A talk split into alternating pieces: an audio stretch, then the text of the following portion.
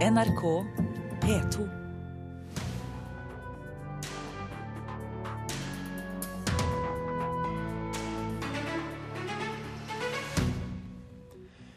Mediehuset Skipsted ser store muligheter i matvarebransjen. Skipsteds avisbud har allerede begynt å levere frokostpakker.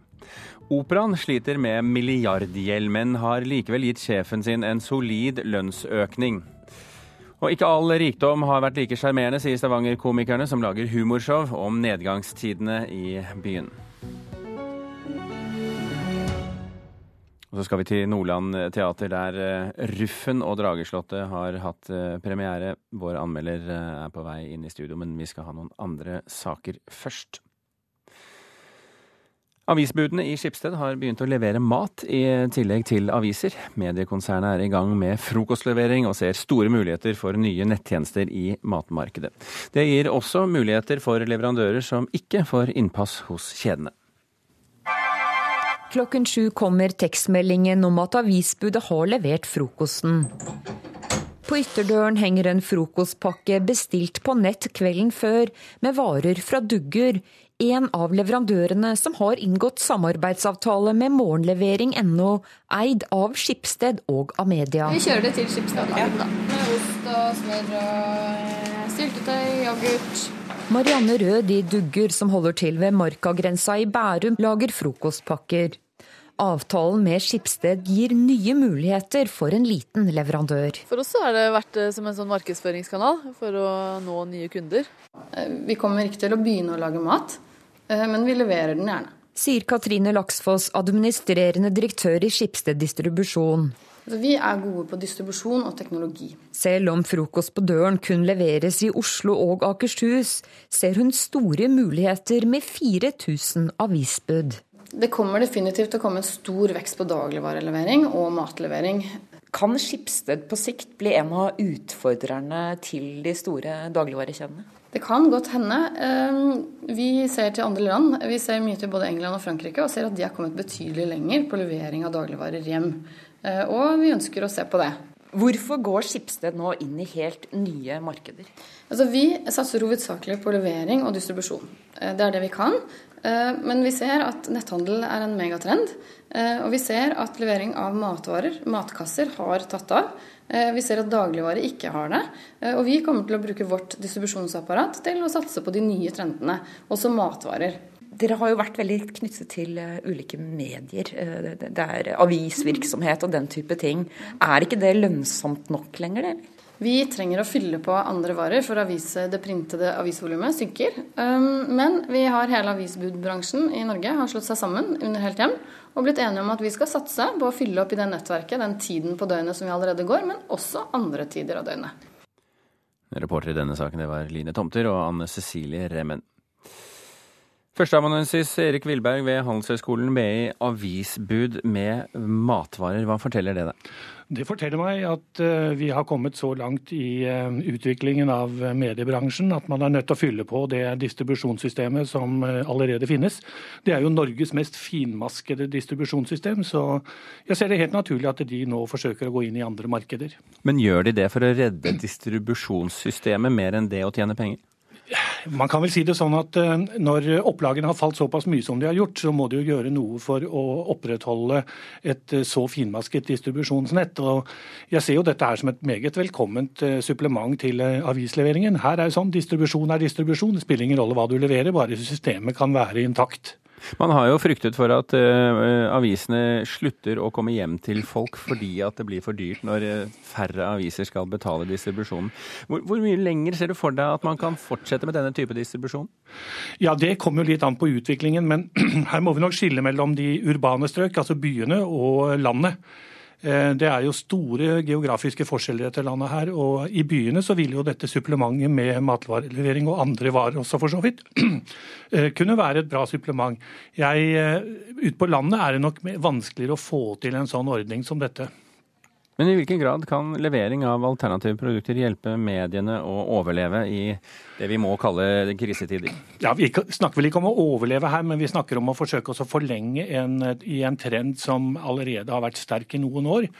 Og jeg ser det som helt naturlig at man forsøker å finne nye forretningsområder. Altså, eh, Avisdistributørene har jo lenge levert både blader og bøker og andre ting. og som sagt, et, Vi er i et høykostland. Det koster å drive et distribusjonssystem. og At man da finner nye, interessante muligheter, det, eh, jeg, det hilser jeg velkomment, faktisk. Men er det lurt, eller er det en, en, en slags panikkartet handling? Nei, det tror jeg ikke. Det er, det er lurt. Altså, vi, vi, går jo en over en situasjon hvor flere og flere varer bestilles på nettet. Og de skal jo leveres på en eller annen måte. Og eh, Du kan jo velge å hente det på Post i butikk, eller du kan kanskje få det sendt hjem. Så med et så profesjonelt og utviklet distribusjonssystem som vi har i Norge, så, så tror jeg dette her kan være et uh, greit forretningsområde for uh, mediebransjen. For, uh, for, å holde på dette finmaskede distribusjonssystemet som er bygget opp gjennom mange mange år. Holde på det så lenge som mulig. Du nevnte Posten her. Posten har jo for så vidt tilsvarende problemer. De varsler å, å stoppe distribusjon på lørdager hvis de ikke har sluttet med det allerede. Mm. Er det mulig samarbeidsmuligheter med Posten? faktisk? Faktisk? Ja, det tror jeg etter hvert som eh, situasjonen går sin gang. Så, eh, så, tror jeg nok at de som driver med fysisk distribusjon vil finne ulike eh, samarbeidsmuligheter framover. Jeg er litt for tidlig å si akkurat hvilken form det vil ta. Men vi ser jo tydelig at når brevmengden går ned, så, så går pakkemengden opp. Og eh, når, når det gjelder avisdistribusjon, så, så, er jo det som sagt eh, et så velutviklet system og, og, så profesjonelt at eh, det vil være en veldig god utvikling å, å distribuere andre varer i det systemet. Erik Wilberg ved Handelshøyskolen tusen hjertelig takk for at du var med oss i Kulturnytt.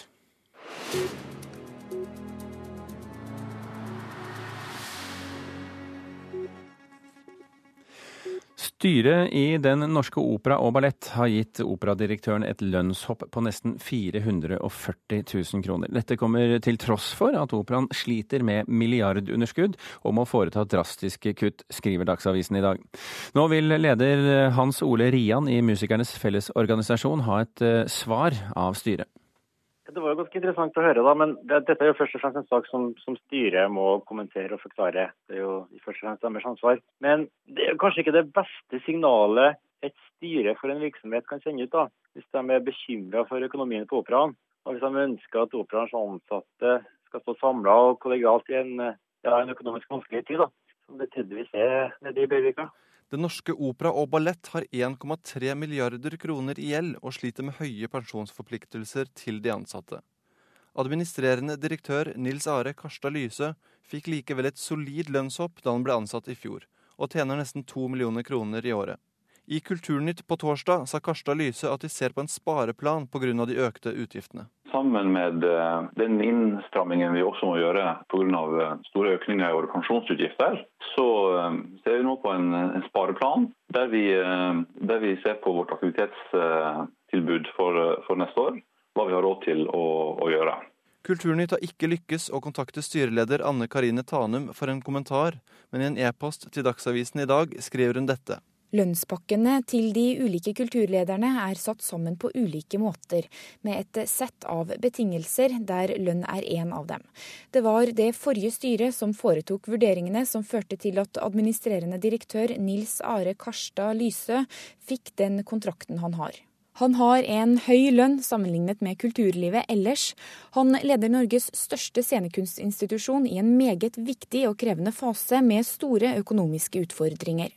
Han har verdifull og bred erfaring fra tidligere, og jeg er glad vi har han som øverste leder i denne perioden. Kulturminister Toril Vidvei sier til Dagsavisen at lønnsnivået er styrets beslutning, men generelt, sier hun, vil jeg likevel understreke viktigheten av at det vises moderasjon i fastsettelse av lederlønninger. Reporter i denne saken, det var Magnus Lutnes Også om noen minutter så skal vi også til det som mange oppfatter som en krise ved eh, teateret eh, i Bergen, DNS, Den nasjonale scene. Men før vi gjør det, så skal vi ta en stopp i Stavanger, fordi komikere i Stavanger lager nå show om nedgangstidene som har rammet oljebyen. Rekordlav oljepris har ført til eh, raskt økende arbeidsledighet i Rogaland, men det er ikke de som mister jobben vi skal tulle med, sier komikerne. Det har vært mye kjekt med mye penger, men så er det jo, det er jo noen spørsmålstegn òg? Det sier Stavanger-komiker Pål Mangor Kvammen. Når du er på idrettsstevner på Østlandet og Rogalandsfansen sitter og synger 'Vi kan kjøpe hele Oslo hvis vi vil', så er det gjerne på tide å dempe den bitte litt. For nå kan vi ikke, om vi vil. For det har skjedd noe med nyhetsmeldingene fra Stavanger. Dette er en typisk nyhet fra oljebyen for halvannet år siden. Nord-Europas første topp moderne Porsche-senter åpner på Forus neste år. Salget av de eksklusive bilene øker stadig i Stavanger-området. Men nå ser nyhetsbildet helt annerledes ut. Ja, Vi skal først høre at arbeidsledigheten den øker raskest i Rogaland. Og på ett år eh, har det blitt 4000 flere arbeidsledige her i fylket, viser nye Kriseoverskrifter er godt nytt for underholdningsbransjen. Og nå lager Kvammen humorshow om oljenedturen sammen med Rune Bjerga. Nå skal vi prøve liksom å ta ta samfunnet litt på pulsen. Og det er jo veldig vanskelig å komme utenom det akkurat nå. Er det noe moro det da, at flere har blitt arbeidsledige, Bjerga? Nei, det finner vi ikke litt morsomt engang. Så vi tuller heller ikke med det. Vi skal jo få folk til å le. Vær så god. Ja, altså Jeg jobba tidligere i Nordsjøen, og nå har dere i Nav hjulpet meg med å finne ny jobb på land. Hva er problemet? Jo, jeg sliter litt med lønna. Nå har jeg 820 000. Oi sann. Ja, ikke sant? Jeg hadde jo 1,4 i Nordsjøen. I Humorhuset Stavangeren er prøvene i gang til showet 'Født på solsiden?' spørsmålstegn, som har premiere denne uka. Ja, så var det én ting Det, Det var dette med arbeidstida. Ja, ok. Ja, Hva var det med den? Ja, Jeg jobber jo hver uke nå. Ja, Men det er normalt, det. Kødder du? Altså, Jeg er vant med å jobbe to uker, og så ha fire uker fri. Ja, så én ting til. Aha. Jeg sliter altså så mye. Jeg måtte selge Porsche Cayenne. Komikerne Kvammen og Bjerga har ingen problemer med å finne humor i nedturen som nå rammer Stavanger og Vestlandet. Fallskjermer syns vi er litt løye ennå. Ja. ja. det syns vi er litt løye. at Det er fallskjermer altså, Det er jo litt omstillingen jeg tror vi tuller litt med. Ok, Du går fra noe jækla bra til noe jækla bra. Jeg syns folk er ekstremt positive i forhold til hvordan det egentlig er nå. Men det er gjerne det som er lundet vårt. At uh, når silda forsvinner, så finner vi olje. Og når olja forsvinner, så reiser vi til Mars ja. og borer der. I underholdningsbransjen er det en slags vedtatt sannhet at krisetider det er gode tider, både i forhold til stofftilfanget og publikumsoppslutningen. Det forteller instruktør for showet Torfinn Nag. Og det, det, er jo Historisk er det jo òg sånn at eh, altså teater og, og, dramatikk ofte har eh, blomstring når det er litt vanskelige eh, kår. Altså, det var en periode det var veldig mye spennende østeuropeisk eh, dramatikk, f.eks. Og selv om det er økonomiske nedgangstider i Stavanger, så går billettsalget unna i byens kulturliv. Både teatret og Konserthuset melder om en bra høst. Og det er ikke rart, sier Pål Mangor Kvammen. Så Det er jo ikke det de må kutte først. Det de må kutte først, er den ekstra dyre bilen og de to ekstra turene til Syden i året. Og nå blir det altså show om oljekrisa i Stavanger i ukene framover. Viktig å le av oss sjøl og le av det som skjer. For det, det, blir jo ikke bedre av å grave seg ned, det blir bare verre da. De som er igjen i oljebransjen, hjertelig velkomne. Og vår reporter i Stavanger er som vanlig Anette Johansen Espeland. Klokken er 16 minutter over eh, åtte og litt til. Du hører på Kulturnytt, og dette er toppsakene i Nyhetsmorgen i dag. Prisene på mat og klær vokser raskere enn lønningene. Vi må regne med å gå litt ned i levestandard, sier sjefes økonom. Tusenvis av barn er til psykiatrisk behandling, viser tall fra Helsedirektoratet. Dataspill og skilsmisser får mye av skylden. Og mediehuset Skipsted ser altså store muligheter i matvarebransjen. Noen av Skipsteds avisbud har allerede begynt å levere frokostpakker på døra sammen med avisen. Teatersjef Agnete Haaland ved Den nasjonale scene i Bergen har ennå ikke engasjert de eksterne konsulentene som skal granske arbeidsmiljøet og den kraftige kritikken av direktøren ved teatret. Det betyr at den dårlige stemningen fortsetter, men fungerende hovedtillitsvalgt ved teatret, scenearbeider Even Kråkenes, sier de stoler på at ledelsen kommer til bunns i saken. Vi forventer at denne prosessen kommer til å være ryddig og grei, og at uh, de tingene som uh, skal på bordet, komme på bordet. For ti dager siden sa teatersjef Agnete Haaland til NRK at hun hadde henta inn de konsulentene teatret ønska å bruke, og at kontraktene skulle signeres tre dager seinere. Hun vil nå ikke kommentere hvorfor konsulentene fremdeles ikke er på plass. Heller ikke hvor langt granskinga skal være kommet når styret i Den nasjonale scene møtes 21.10, altså om ni dager. At granskinga ikke er kommet i gang, kommenterer Kråkenes slik. Dette er jo en prosess som nylig startet. Jeg tror ikke vi skal ta lett på den eh, delen av jobben å finne disse granskerne. Vi ser veldig positivt på at de har eh, valgt å ta inn eksterne granskere. Jeg tror det er lurt at eh, det er noen med tomme ark som kommer inn og ser på sakens anliggende. Styreleder på DNS, Siren Sundland, sier at styret ikke vil kommentere saka offentlig før de eksterne granskerne har sagt sitt. Også blant de ansatte er det ingen som vil kommentere konflikten. Skuespiller Kim Kalsås, som inntil nylig var de ansatte sin representant i styret, er ordknapp, og vil bare si følgende mangetydige klisjé. Dette tør jeg ikke ha noen formening om. Det er jo trist for teateret, dette, selvfølgelig. Sier fungerende hovedtillitsvalgt Even Kråkenes. Men utover det så kan jeg ikke kommentere noe sånn nærmere hva vi snakker om, eller hvordan vi har det. Alle blir jo berørt. Det er arbeidsplassen vår, og vi skal drive med teater. Og, og da blir jo dette her en vanskelig situasjon. Men eh, vi forventer at eh, de løfter på hver stein for å finne ut hva som på en måte ligger i saken. Og reporter her det var Leif Rune Løland. Og vi har selvsagt også vært i kontakt med direktør Bente Hartvedt Ringstad, men hun ønsker ikke å kommentere denne saken i dag.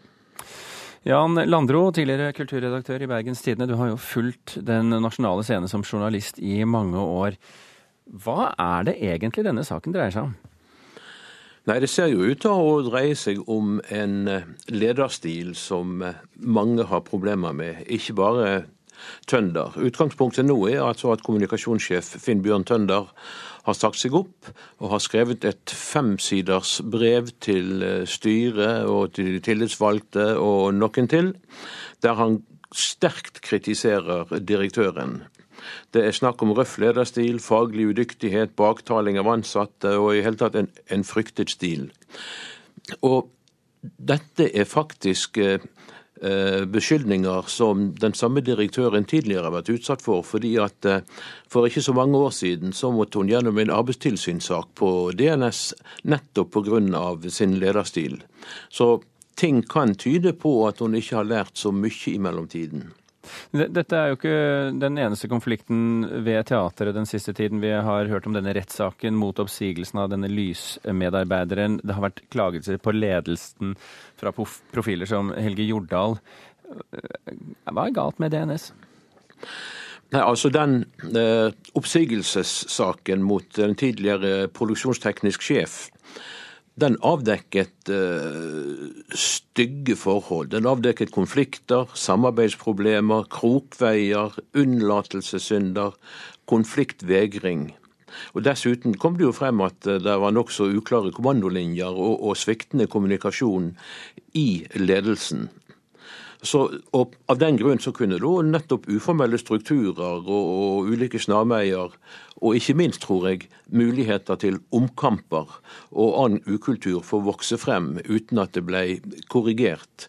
Og Det som er det underlige, er når alt dette kom frem en rett, i en rettssak over åtte dager for halvannet år siden, så skulle man jo vente at styret greip inn, og at de øh, prøvde å, å, få gjort noe med, med, dette. her. Bortsett fra at ledelsen har vært sendt på kurs i, i samarbeid og den slags, så virker det som om styret ikke har gjort stort. Det virker tvert imot som om de langt på vei abdiserer.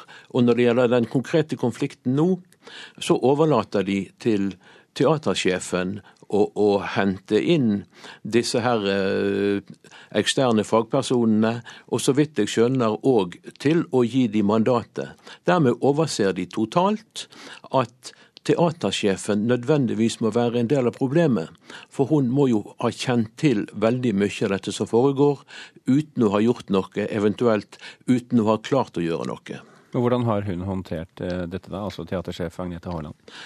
Nei, tilsynelatende har hun ikke håndtert i det hele tatt.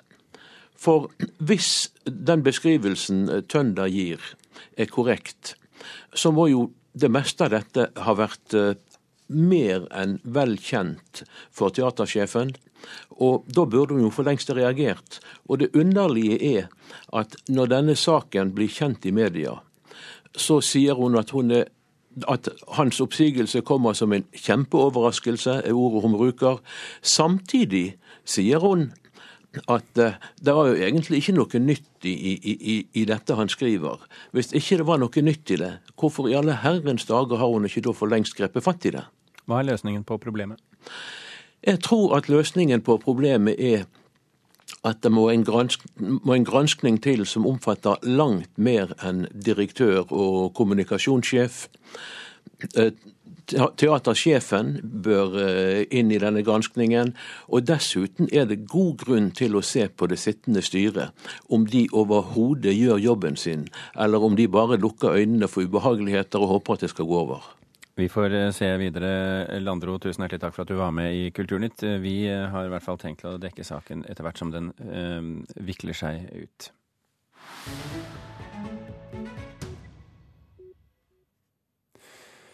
Den eh, norske regissøren og produsenten Morten Tyldum har kjøpt filmrettighetene til barneboken 'Luridiumstyven'. Det skriver nettstedet Deadline. Den eh, Los Angeles-baserte regissøren har fått et solid navn i Hollywood etter at hans siste film 'The Imitation Game' ble nominert til åtte Oscar-priser. 'Luridiumstyven' er eh, bokdebuten til en annen norsk filmregissør, nemlig Bobby Pearce. Like I'm fighting for truce in Babylon, trying to find my peace in the zone of war. Even when the day. I anledning FN-dagen, den internasjonale jentedagen 11. oktober, har Michelle Obama lagt ut sin Spotify-spilleliste på hjemmesidene til Det hvite hus. Blant en rekke kvinnelige artister som Beyoncé, Diana Ross og Alicia Keys finner vi også den norske rapdoen som du da selvfølgelig hører her, Nico og Vince med When, she, uh, When the Day Comes. Uh, dette er altså låta.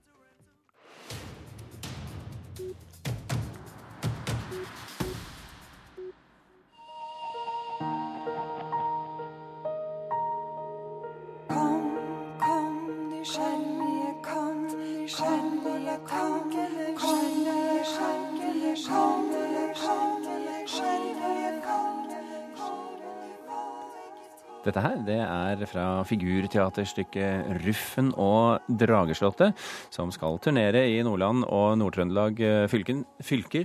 Eh, premieren var i Mo i Rana i helgen, der vår kritiker var på plass. Og det er hun også i studio nå. Karen eh, Frøsland Nystøyl.